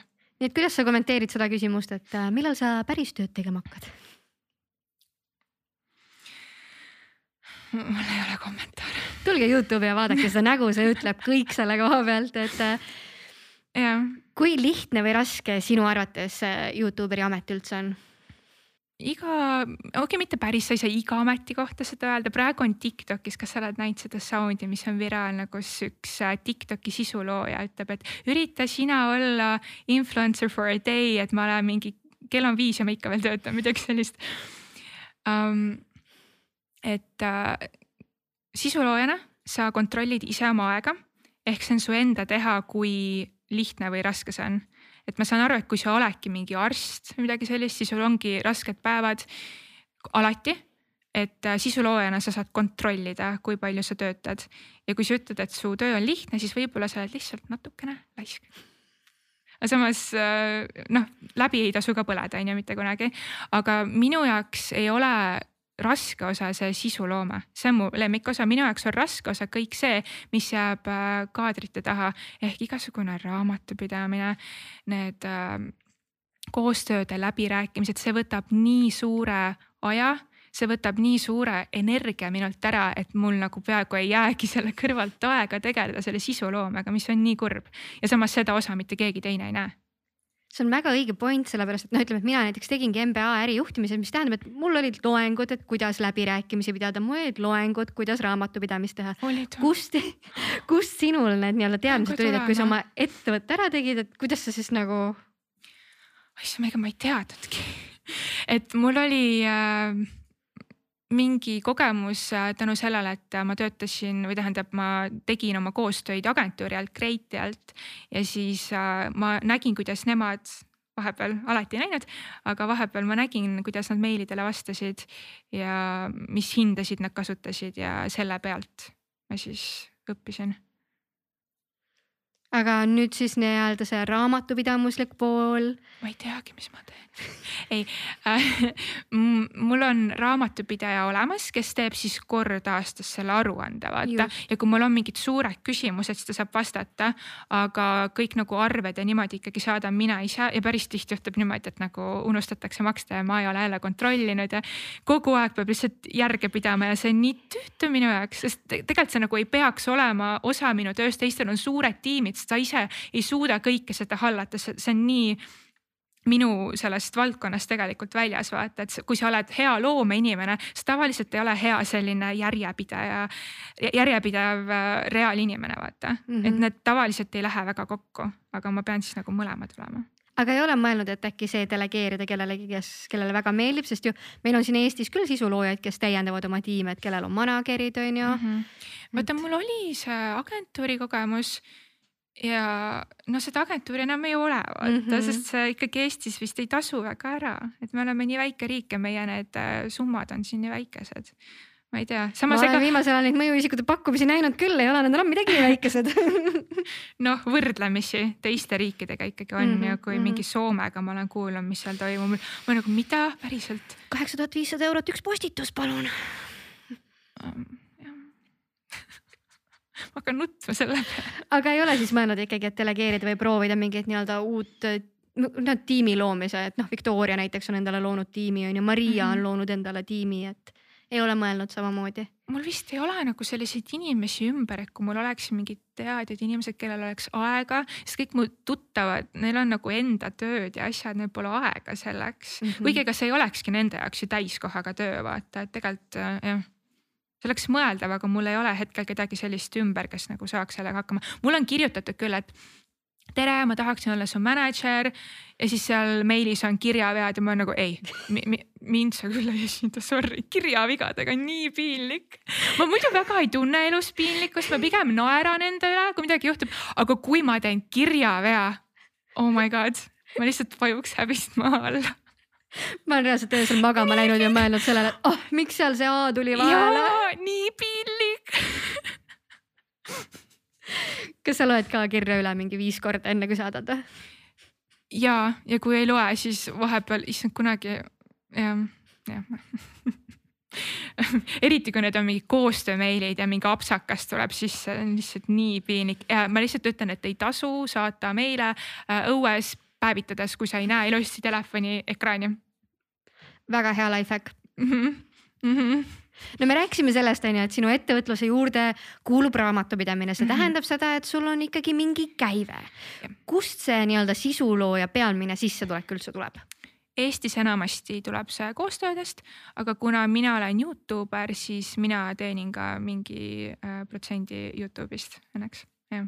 aga enamus tuleb ikkagi koostöödest no ma saan aru, et Youtube'is on ikkagi see, et kui sa oled mingi USA turul on ju, et siis sul on vaatajanumbrid nii suured, et sealt saab päris raha, aga kas Eestis saab nagu ka päris raha sealt? mida sa pead päris rahaks? No et sihuke, mis nagu võiks olla osa sissetulekust, mitte niimoodi, et kakskümmend eurot või. ja, ja kusjuures, kuigi need vaatamised on ju uh, Youtube'i platvormil üleüldiselt kõigil on langenud praegu, siis tegelikult see summa, mis sa video pealt saad, vähemalt mul on jäänud enam-vähem samaks, kuigi need vaatamised on langenud, siis millegipärast see uh, jah, on tõusnud mm -hmm. video vaatamise väärtus okei okay., kuidas sa, kui nagu põhisissetulek tuleb ikkagi koostöödest, siis mm -hmm. kuidas sa tead, kuidas ennast hinnastada, sest no ma saan aru, et algul sa vaatasid, kuidas Kreetli hinnastas yeah., on ju. aga sellest on ju oma kolm-neli aastat ikka möödas, et, et. on nii palju või? no ikka aeg lendab ja ma arvan, et neli aastat on kindlasti. ei ole. ja kindlasti. ei ole, ei ole, ma alustasin mingi neli aastat tagasi ja siis ma olin mingi aasta aega ikka nendega. no vaatame ka üle, aga kuidas sa nüüd viimastel aastatel siis oled oma hinnastamist rahastamist äh, muutnud või mitte, meil siin inflatsioon kakskümmend viis protsenti on ju um,. jah, et ma võtsin needsamad hinnad aluseks, mis äh, läbi nende sain ja lisaks ma olen rääkinud ka teiste sisuloojatega ja ma sain sealt infot, et Jana, su hinnad on liiga madalad, et see on nali, mis sa siin teed. siis ma natukene tõstnud ja muidu ka noh, iga aasta natukene noh, paned juurde vaata mm. -hmm aga sisuloojad omavahel on altid jagama seda infot, et tavaliselt korporatsioonides on ikka see, et palkadest rääkimine on ikka tabu, et aga sisuloojad omavahel jagavad seda nii-öelda infot, et palju miski maksab meie Youtuberid küll, viimane kord, kui ma filmisin sõbraga kolläbi, siis ta küll küsis minu käest äh, hindade kohta, rääkis enda hindadest. Ja äh, ta teeb veel eesti ja soome keeles sisu ja siis ta andis mulle seda Soome insight'i ka, mis summad seal liiguvad. Ja mul lihtsalt jäi suu lahti, et jah, me ikka räägime, et äh, noh, niisama mingi internetti sa ei lähe oma rahast rääkima, aga ma arvan, et see on väga hea, et me omavahel suhtleme, et ikkagi keegi ei taha ju turgu tegelikult solkida, et see on teistele ka halb, kui sina liiga vähe küsid mm. -hmm. või samas mõni liiga palju küsib. just, just ei, see on väga äge, et omavahel jagate seda, et ma arvan, et see võiks igal pool olla. Nagu mitte ikkagi. väga tihti mm -hmm., tegelikult ma olen võib-olla mingi aastaid tagasi teistega rääkinud mm, -hmm. aga ühe korra nüüd siin suvel, kui ma filmisin Collabis, ma rääkisin veel ühe Youtuberiga jah, et ma, mulle endale ka, kui mu käest küsitakse, kuna ma teen nii palju mõjuisikutega erinevatega yeah. koostööd on ju, et kui keegi küsib ikkagi, kas mu hind on normaalne, siis ma ikka mingisuguse nii-öelda indikatsiooni annan ja tegelikult täna on. ma pärast ju... küsin su käest, kas mu hind on normaalne. täna on meil olemas sihuke asi nagu, et kui sa paned Google'isse sisse mm, Instagram money calculator, siis sul tuleb Inspice.me lehekülg, kus sa saad panna oma konto sisse, ta ütleb, palju su postitus maksma peaks. aa, sest need muidu on erinevaid. Need on väga erinevad, aga ja. nad annavad hästi hea indikatsiooni, sest nad arvutavad sinu ulatust okay. ja arvutavad sinu kaasatust ja arvutavad, mis see meediaväärtus selle juures võiks olla, et sa võid alati sisuloome või produktsiooni hinna juurde panna yeah.. aga ta annab siukse toreda nagu indikatsiooni. okei okay okei okay., aga kui, kui suur see juurdehindlus peaks olema siis see sõltub palju sul töötunde läheb, on ju, et kui okay. kiire monteerija sa näiteks oled, on ju, või kui okay. kiiresti, kuigi kunagi ei tohi ennast äh, nii-öelda endale karuteenet teha sellega, et kui sa oled kiire mm, -hmm. et siis Mhm. sa küsid nagu vähem, aga on ma ju. ei ole et see on, pigem pluss, et eh, kui sa kiire oled, siis pane ikka ole. hinda juurde. ma olen super aeglane, ma olen nagu nii detailne, mu videod nagu mitte keegi isegi ei pane tähele kõiki neid mingi suume asju, mis ma teen, kas sa oled vaadanud, kui nagu kat-kat-kat mu videod Ikka, lihtsalt on ma ei tea, miks ma teen endale nii, ma saaks video kümme korda rutame ülesse, aga ma lihtsalt, ma ei tea, mulle meeldib. see No on, see on on üks mu hea- lemmikosasid. Ja vaata, on väga-väga mõnus vaadata siukse flow'ga videot, et sul ei hakka igav, Mhm. et sa oledki kogu aeg nagu in the flow. Ja sa saad aru, et sul ei ole nagu, et keegi ei raiska sinu aega, et nagu ja, see sisulooja hindab sinu aega ja ta ei, nagu ei raiska seda. ja, ja lisaks montaaž annab minu meelest nii palju juurde, et ma võin sellesama klipi, ma panen erineva muusika taha, teen erinevad need cut'id sinna, ma võin teha samast jutust äh, midagi, mis paneb sind nutma ja midagi, mis paneb sind naerma. Et montaaž on nii oluline, et see on mu lemmikosa, see on see, kus ma saan tõesti olla loominguline Mhm. Youtube'is aga kus sa seda õppisid? äh. ma ütlesin, ma pole midagi illegaalset teinud äh,, kui ma kaksteist olin, siis äh, eks ma avastasin erinevaid videotöötlusprogramme, tegelikult võib-olla isegi noorem, kaksteist, üksteist, kui ma hakkasin äh, videoid monteerima, ma lihtsalt monteerisin erinevaid muusikavideoid, Mhm. et siis see oli Youtube'is trend. Et jah, olid nagu eraldi Youtube erid, aga olid ka eraldi editing, monteerimis sellised keskkonnad, kus kõik monteerisid videoid ja siis ma õppisin seal. aga sa ei ole nagu nii-öelda teoreetilist baasi endale kuskilt hankinud, et meil ju inimesed lähevad kolmeks aastaks filmikooli, et äh, õppida monte-, monteerimist põhimõtteliselt. jah äh,, ei ja Tartu Ülikoolis isegi seal meil ei olnud sellist ainet. Mm -hmm. ma ei tea, äkki on olemas, äkki ma lihtsalt ei sattunud selle peale. No meil on siin Patrik, need BFM-is ikka on monteerimine on ju. ja ma olen seal vaataja, ma vaatan ja magistrierialasid ja. ahaa, et võib-olla see Tartu Ülikool ei olegi alati see esimene valik jah? ja mm, oleneb erialast jah. ei, ma täitsa tõsiselt see sügis korra, ma ei tea, mis mulle peale tuli, ma lihtsalt tunnen, et tahaks magistrit. no aga tule siia Tallinna kanti natukeseks, tegelikult on täitsa okei okay. ma mõtlen selle peale. No sel ajal, kui sa mõtled, ma võtan juba järgmise küsimuse. ma kuulasin ühte podcast'i, kus sa käisid ja seal sa mainisid tegelikult enamus koostööd, mis sulle pakutakse, sa ütled ära mm. -hmm.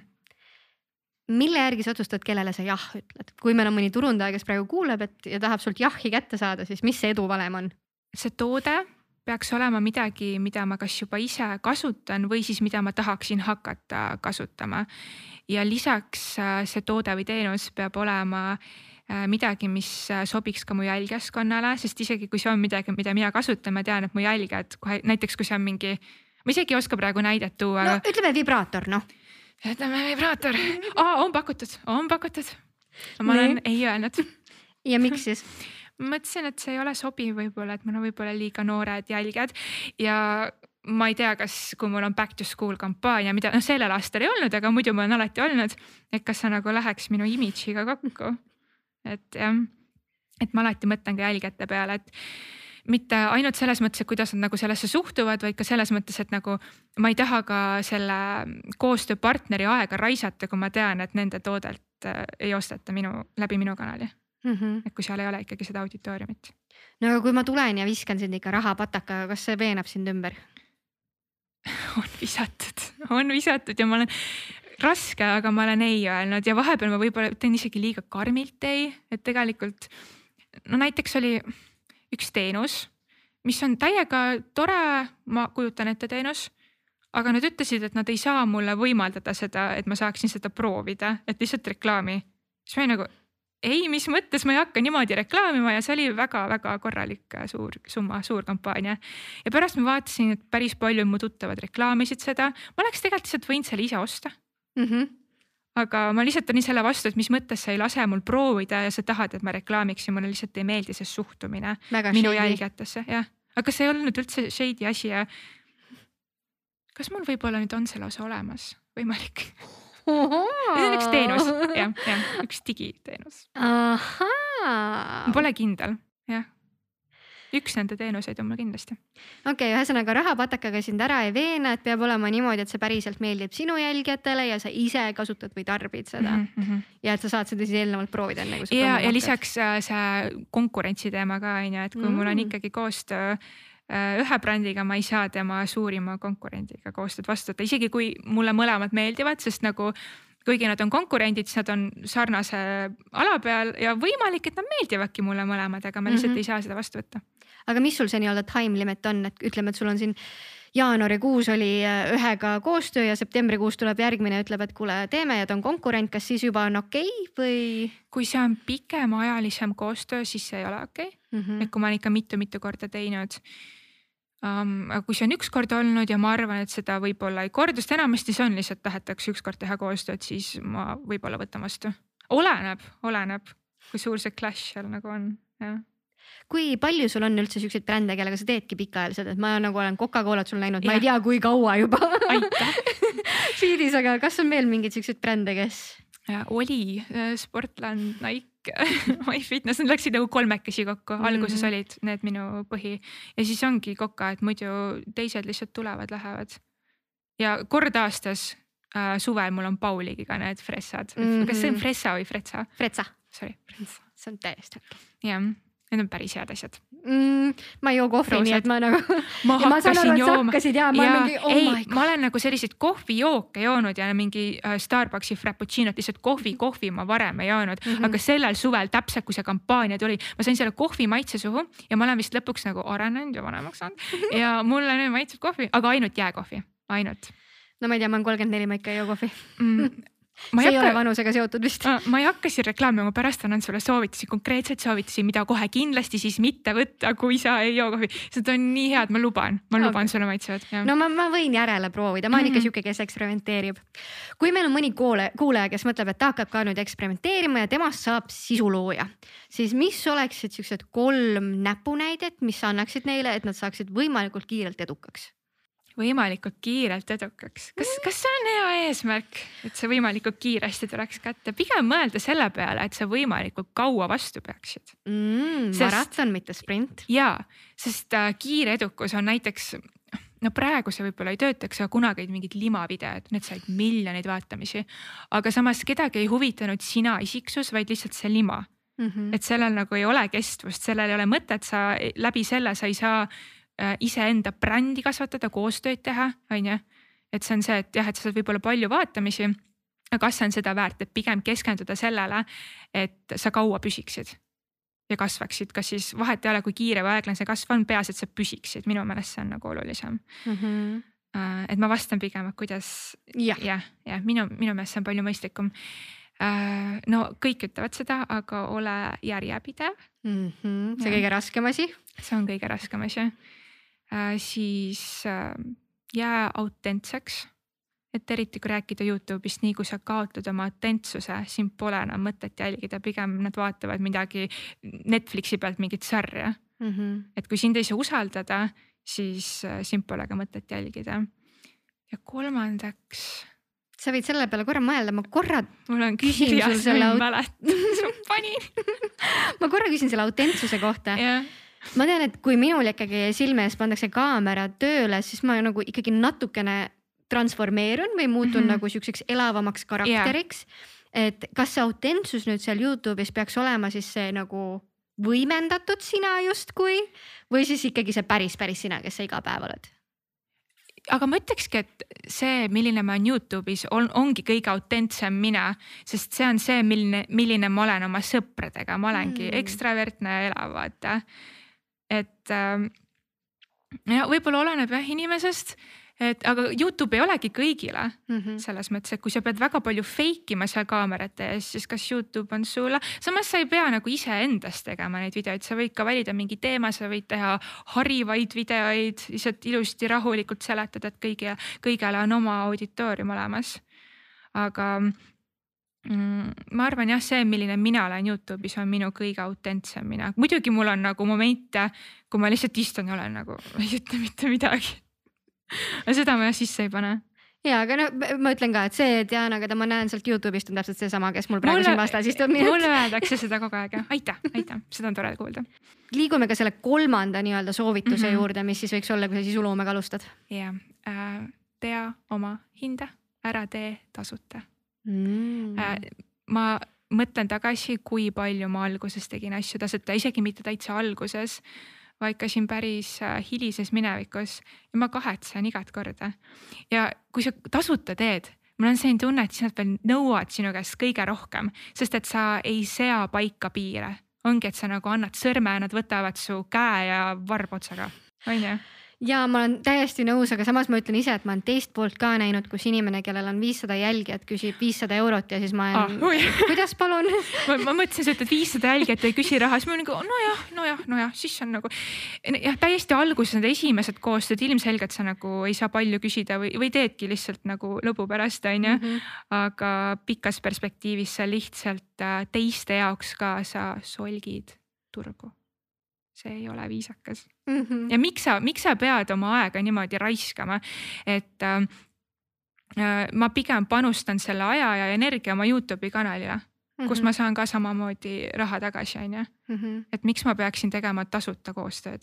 kellegi teise ärilise kasumise jaoks, sest ja. nemad saavad ju ärilist kasu sellest. ja, ja, ja lisaks tegelikult töötavad ju kõige rohkem need, kes teevad tasuta, kui sa mm -hmm. oled mhm. tähele pannud, neil on kogu aeg, kõik on reklaami täis, aga inimesed ei taha näha sellist pidevat reklaami ja see ei ole autentne ja nagu milleks sa teed seda mm. -hmm. keegi ei taha seda näha, see ikkagi peaks sinuga kokku minema. ja kui see läheb sinuga kokku, siis sa oskad ka võib-olla küsida seda õiget, noh, et sa oled väärt, sind väärtustatakse, sa väärtustad iseennast, sa mm -hmm. väärtustad oma auditooriumit mm. -hmm ma arvan, et see iseenda väärtustamine on sihuke võtmesõna mm -hmm. üldse inimestena ja kui me mõtleme sellele sisuloome maailmale ja üldse nii-öelda avalikuks tegelaseks olemisele, siis paratamatult sellega käib kaasas hästi palju sihukest kriitikat või negatiivsust. kuidas sina vaimselt sellega toime tuled või kas sul üldse on sihukest kriitikat? ikka on negatiivset tagasisidet um,. tegelikult siin tasub uh, eristada, et vahepeal see negatiivne tagasiside, võib-olla ta ei olegi paha pärast, võib-olla see on konstruktiivne, võib-olla see ongi see tõepomm, mida sa vajad mm. -hmm. aga kui keegi lihtsalt äh, ilma põhjuseta tahab sulle halvasti öelda, siis äh, asi ei ole sinus, vaid asi on temas ja sellepärast mitte kunagi temaga vestlusesse laskuda, sest vahet ei ole, mida sa ütled, sest et sina niikuinii ei ole põhjus, põhjus on temas. Pole mõtet oma aega sinna raisata aamen mm. -hmm aga teine asi, mis natukene võib-olla võib mõjutada meie enesehinnangut ja eneseväärtust, on see, et millised numbrid meile vaatavad sealt Youtube stuudiost vastu.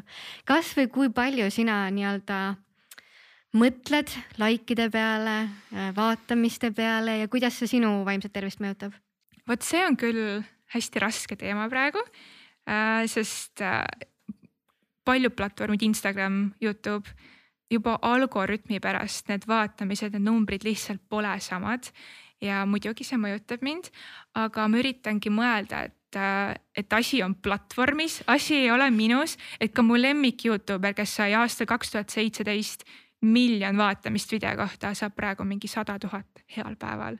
et kui temaga läheb nii, siis on okei okay,, kui ka minu vaatamised on natukene alla läinud. et pigem siis mõeldagi oma sisu peale, et Äh, hoida see kvaliteetne, olla ise uhke selle üle, mis sa teed.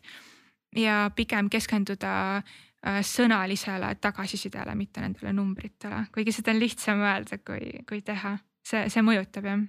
praegu see on jah, üks kõige murettekitavamaid punkte mu töö juures sa oma kõige viimases videos ütlesid ka, et äh, sul on äh, depressioonipusa, et alates veebruarist Nike'i pusas. ma, ma, ma, vaatan kõik õhtul. su videod üle. ma panin selle eile õhtul, ma lootsin, sa pole näinud. ja, kuidas sina nii-öelda elus selliste raskemate perioodidega toime tuled, on sul mingeid praktikaid, nippe, mida sa rakendad uh,? lisaks sellele pusale ja esiteks mm, pusa äh,. mulle meeldib trenni teha, ma tean, me oleme Sportlandi podcast'is, aga päriselt ma ei tea kedagi, kes teeks nii palju trenni kui mina, see on natukene probleem juba. aga trenn on reaalselt, kus ma saan ennast välja elada. et kui ülikoolis olid eksamid, ma olin nii närvis selle peale. ja ma kunagi ei mõelnud, et või noh, ma alati mõtlen elus, et äh, kui mingi raske asi tuleb, et ma soovin, et ma oleksin juba nagu X hetkes on ju. ja ma kunagi ei mõtelnud, et ma soovin, et oleks hetk peale eksamit, kui ma kõnnin koju või ma mõtlesin, et ma soovin, et oleks õhtu pärast eksamit, kui ma olen trennis ja higistan selle välja. sest trenn on reaalselt see koht, kus ma saan kõik halva endast välja, kus ma saan korra pähe vaikuse ja rahu. ja kus ma saan samas energiat kulutada või kust ma saan ka energiat juurde. et see on sinu nii-öelda põhiline praktika, mida sa teed? ja lisaks äh, koeraga looduses, sul tegelikult ei ole koera vaja, lihtsalt mul on koer olemas äh, looduses liikumine on hästi rahustav ja mõnus. et me käime elukaaslasega nüüd sügisel isegi tihedamini kui kord nädalas, aga muidu me üritame ikkagi kord nädalas käia niimoodi pikemal matkal, ikka niimoodi viis pluss kilomeetrit, sõidame ka kohale mingi kaks tundi ja lihtsalt terve päev läheb selle alla. Ja siis me terve aeg nagu lihtsalt räägime omavahel ja mul tulevad kõige paremad mõtted seal alati. Jah, et äh, sellised pikad jalutuskäigud on alati mõnusad, rahustavad. Kas sa oled valmis rääkima ka sellest, et miks nüüd siin äh, viimasel ajal sul raskem on olnud, et miks see veebruarist alates äh, keerulisem periood ei on olnud? ei tea küll, mis veebruaris oli, ei mäleta, keegi ei tea. sõda. Polegi vaja rohkem öelda, eks see mõjutab kõiki. et äh, ma olen selline inimene et minu jaoks on turvalisus elus number üks. Kui minuga koos sõita, ma alati see, et mingi ära kiirusta, ära ületa kiirust, sest ma kardan. nagu mulle meeldib, et kõik on hästi turvaline um,. ja praegu ma ei tunne, et oleks turvaline. nii et see mõjutab mind nagu ekstra veel, sellepärast ma olen megapaanitseja mm, -hmm. megapaanitseja aga noh, see tuleb kasuks, kui on alati variandid B ja C ja D ja nii edasi olemas, et läbimõeldud ja mu variandid ei ole parimad, ma, ma isegi ei ütle, mis need on, sest ma ma arvan, et enamus eestlastel on Rootsi ai, ma, kas ma võin öelda? ikka. noh, kas veenid või kohe? ei, Diana, ma tulen ise koputan sulle ukse peale ja võtan sul Rootsi kaasa sihukest asja me ei praktiseeri. Rootsi, ma olen Tartus, ma ei jõua siia, mul on Venemaa palju lähemal kui, kui mingi Rootsi või Soome või ükskõik mis, okei okay,, tegelikult Läti on päris lähedal, aga ma arvan, me oleme kõik kolmekesi koos mm. -hmm. jah.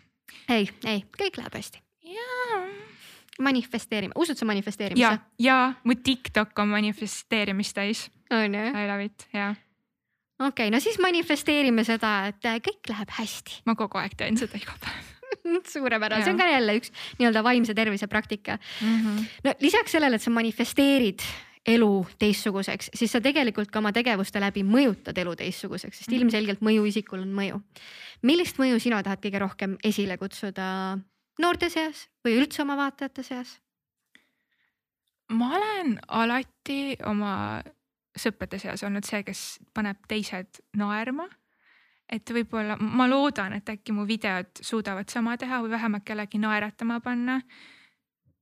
Või vähemalt kuidagi positiivselt mõjuda, sest minu jaoks oli ka Youtube see, et kui mul oli suur, suur stress koolis või eraelus, et Youtube oli see koht, kuhu ma läksin, ma vaatasin neid videoid, ma nagu kadusin sinna sisse ära, ma korra ei mõtelnud enda murede peale. et ma loodan, et minu kanal võiks olla midagi sarnast kas sellepärast sul ongi sihuke teadlik valik, et sa ei räägi tegelikult negatiivsetel teemadel ja sa ei näita nii-öelda seda?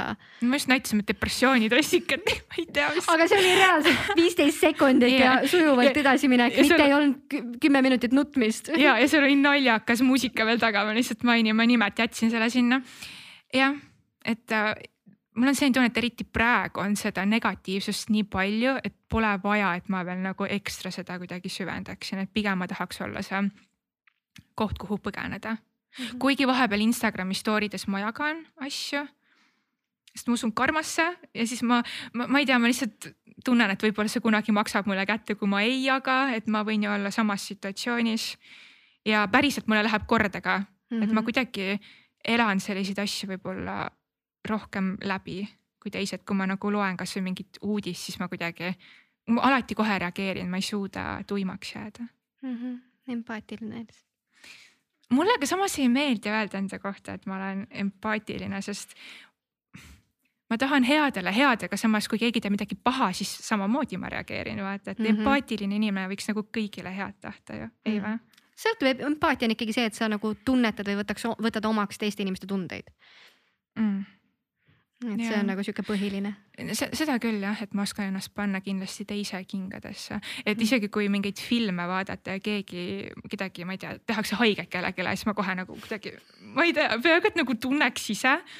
ei, mulle ei meeldi öelda, et ma olen see empath, vaata mm -hmm. paljud mhm. Youtube erid mm, -hmm. ma ei tea, selle mhm. mingi teinud, ma olen empath ja mulle ei meeldi nii öelda, sest ma ei ole nagu nii heatahtlik alati. ma, ma reageerin õiglaselt mm, -hmm. ütleme nii mm. -hmm no ma teen siinkohal nüüd täieliku kannapöörde, kuna me oleme ikkagi äh, kergelt juba lõpusirgel, siis ma pean hüppama meie viimase osa juurde, mis on siis kõige olulisem osa ja mis on suur osa sinu elust, milleks on otse loomulikult sport ah.. räägi mulle korra, kuidas teil siis suhted on? parimad, väiksed peaaegu sõltuvussuhted juba ma teen liiga palju trenni. kas see on ka sinu vormisaladus, et kuidas sa nii hea välja näed? Aitäh! Aitäh esiteks. Um,.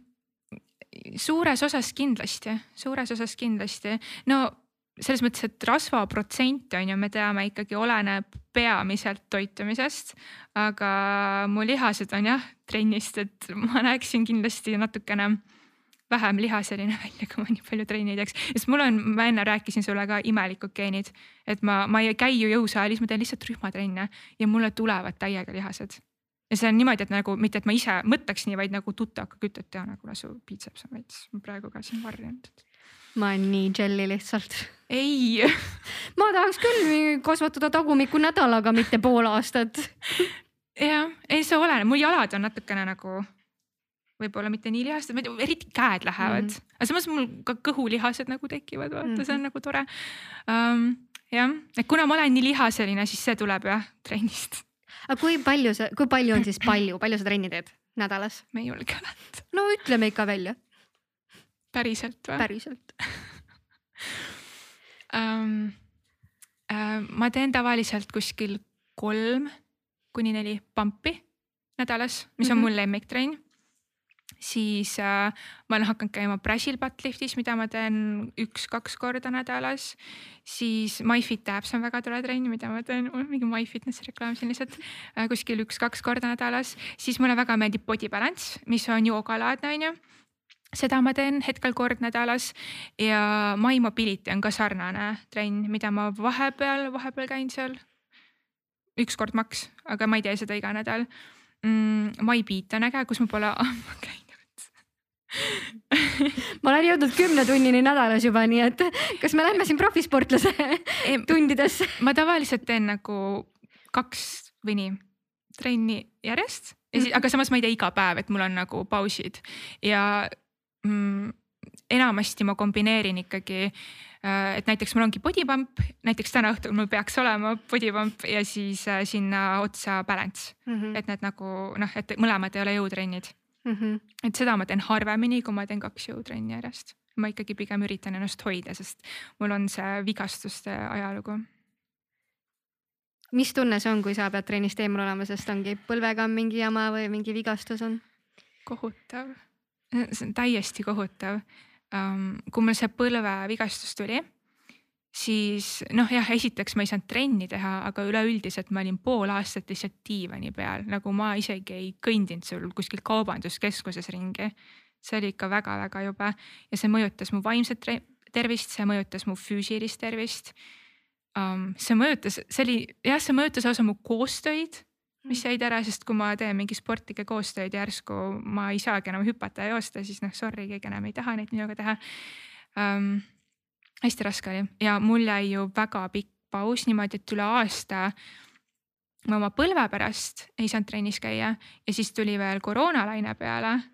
ja mul vist jäigi mingi kaks aastat äkki vahet või. et nüüd sa teed siis tagantjärele lihtsalt kõik trennid jah? reaalselt, mulle tundub ja ma varem käisin ka niimoodi päris palju, aga siis ma käisin täitsa iga päev, et praegu mul on ikka nagu päevad vahel. aga miks sa just äh, rühmatrennide kasuks otsustanud, mitte sihukest individuaalsporti teha? Mm,? ma olen hästi palju erinevaid trenne oma elus proovinud. mu esimene trenn oli iluvõimlemine ja kui vaadata mind, eriti kui ma olin väike, ma olin täiesti välja kasvanud, kui ma olin kaheteistaastane ja ma olen mingi sada kaheksakümmend sentimeetrit. et kui sa oled kõigist nagu kõvasti pikem ähm,, sa oled kohmakas sellest, kui kiiresti sa kasvad, siis viimane koht, kuhu minna, on iluvõimlemine ja sinna mind pandi. ja ma ei tea, kas selle kohta öelda päris sada protsenti iluvõimlemine, sest iluvõimlemise olümpial on hoopis teistsugune, me nagu tantsisime seal hmm., aga samas me kasutasime mingeid lindikesi ja neid rõngaid ja me ikka venitasime seal palju ja niimoodi. ja ma käisin seal viis aastat ja see, mis ma tegin, see ei olnud ilus, see oli kole, see ei olnud iluvõimlemine, see oli kole, ma olin nii halb. et kui olid võistlused mind ei lubatud. no joke. nagu klubi esindama või? ja, sest ma oleks kaotanud äh,. mind pandi iluvõimema, kui ma olin mingi viieaastane ja mul reaalselt koordinatsiooniga oli suuri probleeme, ma olin noh väga pisikene, et see läks nagu ajaga paremaks. aga jah, iluvõime, mida oli, mida ma tegin vist äkki mingi viis aastat järjest ja siis sealt edasi ma läksin äh,, käisin võrkpallis ma käisin hip-hopi tantsimas, mis jällegi, kui sa oled pikk ja selline, see ei ole parim, aga ma ei tea, millegipärast ma läksin sinna äh,. siis ma läksin sinnasamma iluvõimlemise spordiklubisse tagasi, aga me enam ei teinud iluvõimlemist, vaid suurematele ähm, nagu vanad äh, õpilased, kes seal käisid, olid nüüd treenerid, tegid nagu niisama mingit show-tantsu, siis ma käisin seal, siis ma olin juba parem natukene, sest ma olin nagu noh, juba kasv oli pidama jäänud ma polnud enam nii agar. ära harjunud sellega. siis ma käisin kunagi ähm, kantritantsus väga huvitav valik ma ei tea, mu klassiõed läksid, siis ma läksin kaasa. see oli pigem nagu nalja pärast, see oli nagu jah tegemist naljaga, ma käisin kantritantsus, äh, võrkpallis olen käinud, ma olen tennist, ma olen kõike teinud, aga millegipärast enamasti ma olen tantsimisega tegelenud, mida ma üldse ei oska ja see andis mulle sellise vale arvamuse võib-olla, et ma ei oska üldse, et ma ei saa üldse trenniga hakkama, et ma ei ole sportlik mm. -hmm. aga tegelikult ma lihtsalt valisin endale täiesti valed spordialad ja rühmatrennis ma hakkasin käima äh, ülikooli esimesel aastal. Noorena ma olin alati hästi-hästi aktiivne, meil oli kodus reegel, et mingis trennis ma pean käima um, ja siis, kui ma sain suuremaks, mind enam ei saa niimoodi kontrollida, ma ei käinud trennis ja mul läks tervis halvaks ja ma lihtsalt tundsin ennast enda kehas halvasti, ma olin jõuetu. mul oli kogu aeg selline tunne, nagu ma oleks haige, kuigi ma tegelikult ei olnud ja asi oli lihtsalt selles, et ma ei liikunud ja sõin ka väga halvasti, olingi rämpstoitu lihtsalt.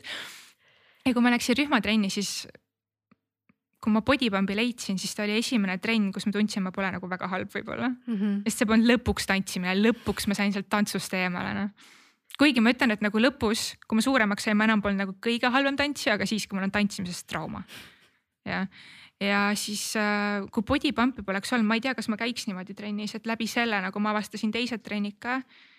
ja jah, ma armastan body pump'i issand kui äge, nii tore on, kui on vastas inimene, kes särab rääkides trenni tegemisest, mitte see ei ole nagu tüütus või kohustus, vaid on nagu oh, ma saan trennist rääkida, ma saan trenni minna. reaalselt, reaalselt. See ei, see on natuke nagu probleem juba, mulle meeldib liiga palju trennis käia see on mu lemmikasi. jah, tasakaalu on vaja mm -hmm. ja meil podcast'is on ka tasakaalu vaja, mis tähendab seda, et ainult mina ei küsi küsimusi, vaid anname sõna ka natukene teistele. ehk siis võtame mõned fänniküsimused ka siia lõppu veel enne, kui me soovituste nurka lähme. mõtlesin, äkki Sandra tuleb, mul on nii kahju, et teda ei ole, sest ma tahtsin väga öelda ühte fakti. minul no,, kas sa ei tea, minul ja Sandral, meil on üks asi, mis meid ühendab. meil on samal päeval sünnipäev tegelikult, no siis äh, ma annan Sannule info edasi. ta teab, ma kirjutasin. ei, me teame, me, me oleme varem endale üksteisele tähendab palju enne sünnipäevaks soovinud, aga ma igaks juhuks ikkagi küsisin üle, kas sul on ikka kakskümmend kolm jaanuar sünnipäev.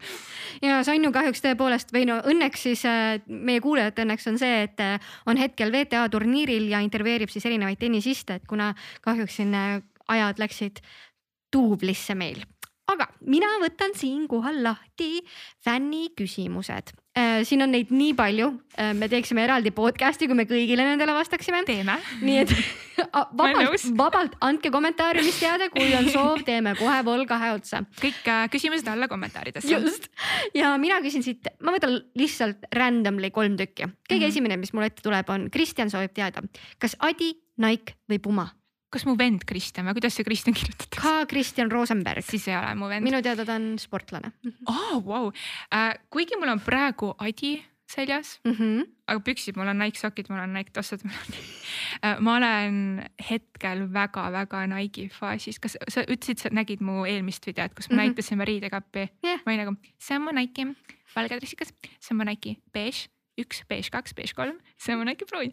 ma kannan nii palju Nike'i mm, -hmm. muidugi ka see, et ma lihtsalt elan trenniriietes nagu trenniriietusid on mu number üks asi, mida jalga panna.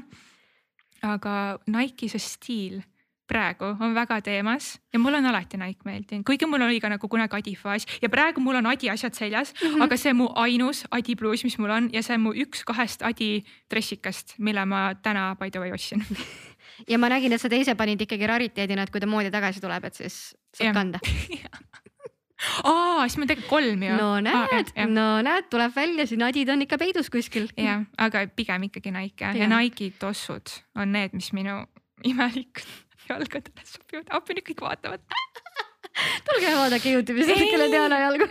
joo, palun ma võtan siitkohalt järgmise küsimuse. ma nüüd ei teagi um,, kellele sõna võiks anda. oo, Katri Tellerile võiks kindlasti, ehk siis Blondcast. kas sa teeksid talle Youtube'i koolituse? iga kell, ma olen nii suur fänn mul on nii hea meel. ma vaatasin tema podcast'i episoodi ja siis ta ütles, et ma follow n ainult inimesi, kes mulle väga meeldivad ja siis ma läksin, vaatasin, ta follow mind aga kas sa muidu Youtube'i koolitusi teed ka või see oleks sihuke esmakordne? Uh, ma olen käinud uh, nagu sünnipäevadel sotsiaalmeediast rääkimas mm, -hmm. sellised esinemised, mis juhtus täiesti random'ilt, et ma sellega üldse tegelema hakkasin. aga um, jah, et ma olen selliseid nagu vabas vormis esinemisi teinud, aga mm -hmm. konkreetset koolitust ma pole varem teinud, aga talle ma võiks teha. vabalt on ju? jah et nüüd siis äh, Katri teadet võid kirjutada julgelt. nii, ma võtan siit äh,, vot issand, siin on nii palju häid küsimusi ju. aitäh. no ma küsin, ma küsin RM show jumping'u küsimuse kui palju sinu jälgijad sulle tähendavad? väga palju, ma ikka pidevalt mõtlen ikka, kui ma postitan, noh, esiteks ma postitan sisu, mida mul oleks endal huvitav vaadata, aga päeva lõpus ikkagi, kui jälgijatele ei meeldi, siis milleks ma seda teen, kellele ma seda teen, et nad on alati mul kuskil siin mõtetes. kui palju siin neid sa nagu päriselt tead või päriselus tead mm,? meil on äh, no see ei ole küll päriselu, aga mul on päris palju fännikasutajaid äh, Instagramis mm -hmm. ja osadega meil on fännichat Oh. et ma ei ole neid ise välja valinud, et kes nüüd siia saab, vaid nad on ise teinud selle chat'i, mind on sinna mm -hmm. lisatud ja ma ikka nagu pidevalt, täiesti regulaarselt suhtleme seal, et nad nagu suhtlevad omavahel ja mis mulle kõige rohkem meeldib, on see, et kui keegi postitab enda mingi fänni edit'i, siis kõik need teised kasutajad repost ivad.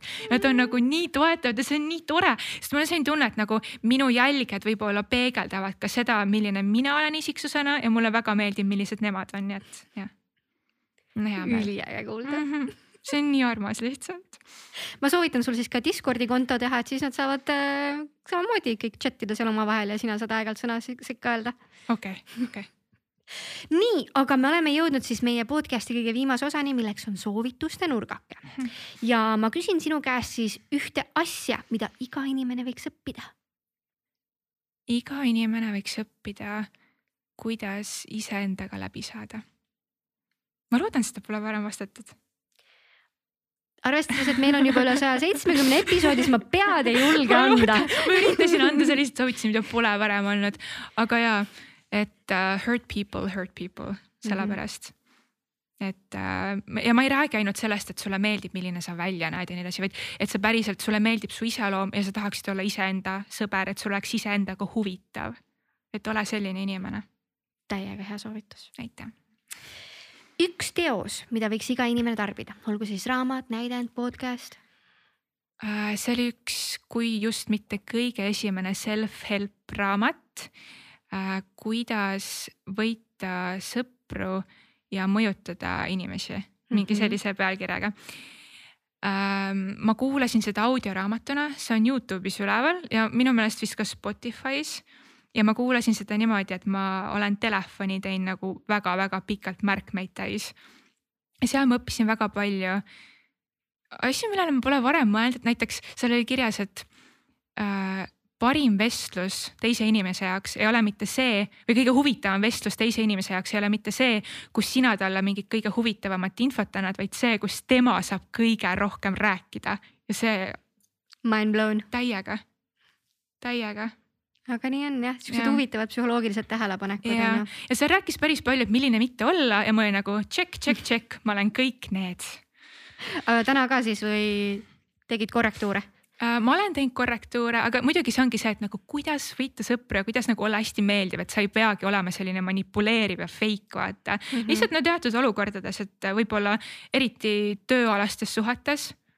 et kuidas võib-olla saada rohkem, kuidas leida paremini kompromiss võib-olla mhm. on ju ilusti öeldes jah väga viisakalt öeldud ja viimane soovitus, üks koht, mida võiks iga inimene külastada. minu Youtube'i kanali oh,. kusjuures jumala hea seda kohe kindlasti ei ole olnud nagu, et keegi soovitaks oma Youtube'i kanalit. keegi soovitaks minu Youtube'i kanalit um,. praegu sügisel eriti ma enne ka ütlesin, mulle meeldib käia koeraga jalutamas, aga Eestis on rabad, mida mujal maailmas ei ole ja kui sa ei ole veel rabas käinud, siis palun mine, eriti sügisel, see on nii mõnus, praegu on nii värviline, kõik on mingi punane, oranž-kollane, pruun, väga ilus on, väga mõnus on. kas sul on mõni lemmikraba ka mm,? mul on päris mitmeid. Äh, Lõuna-Eestis mulle meeldib näiteks Teringi raba, äh, mis nüüd hiljuti paar aastat tagasi tehti korda, et seal on nagu päris head äh, teeolud, siis meenikunnad teavad kõik. Emeenikunnas ka, kui te käite, mitte edasi-tagasi seda, seda laudteed, vaid sa lähed metsa, teed selle raske metsatiiru, kus sa saad poriseks ja ronid puude otsas, ma tean, see on ebameeldiv, aga nagu ei, asi on põhimõttes, palun terve ring ära teha. Mu trennisõltuvus tuleb välja. Um,. jah, ja mul ei ole kõik vaata nimepidi meeles, aga mul on põhimõtteliselt igas maakonnas enda lemmikud rabad, et äh, kuskil Haapsalu kant, see on nagu täiesti Tartu vastu, et seal ma väga ei käi, aga Tartu ähm,, mingi Põlva, Võru, Ida-Virumaa, Lääne-Virumaa äh,, Pärnumaa, Viljandimaa, seal ma käin kogu aeg pidevalt kõik kohad läbi no siis ma tean, kelle käest neid soovitusi küsida, et kui ja. ma mingisse maakonda lähen, siis Diana, mis seal hea on? ja ma, ma olen suurim matkaja lihtsalt, mulle nii meeldib ja mu lemmikud matkad on ikkagi need, mis on nagu rasked, mitte tavaline laudtee, vaid ongi, et sa kõnnid mingi viis-seitse kilomeetrit, ronid langused, hingeldad, vaata ka kella, mis su pulss on, et need on parimad. sulle samas... väga meeldiks Kõrvemaal, ma kujutan ette. võimalik me siis kutsume sind külla Sportlandiga sinna mõni päev. okei, okei, ma tulen. täna aga on meil aeg kahjuks kokku pokkida, aitäh Diana, et sa külla tulid, nii tore vestlus. reaalselt, see oli nii tore aga jah, kell on sinnamaale jõudnud, et äh, siinkohal peame ütlema kahjuks teile tšau, pakka. sportland, Be First podcast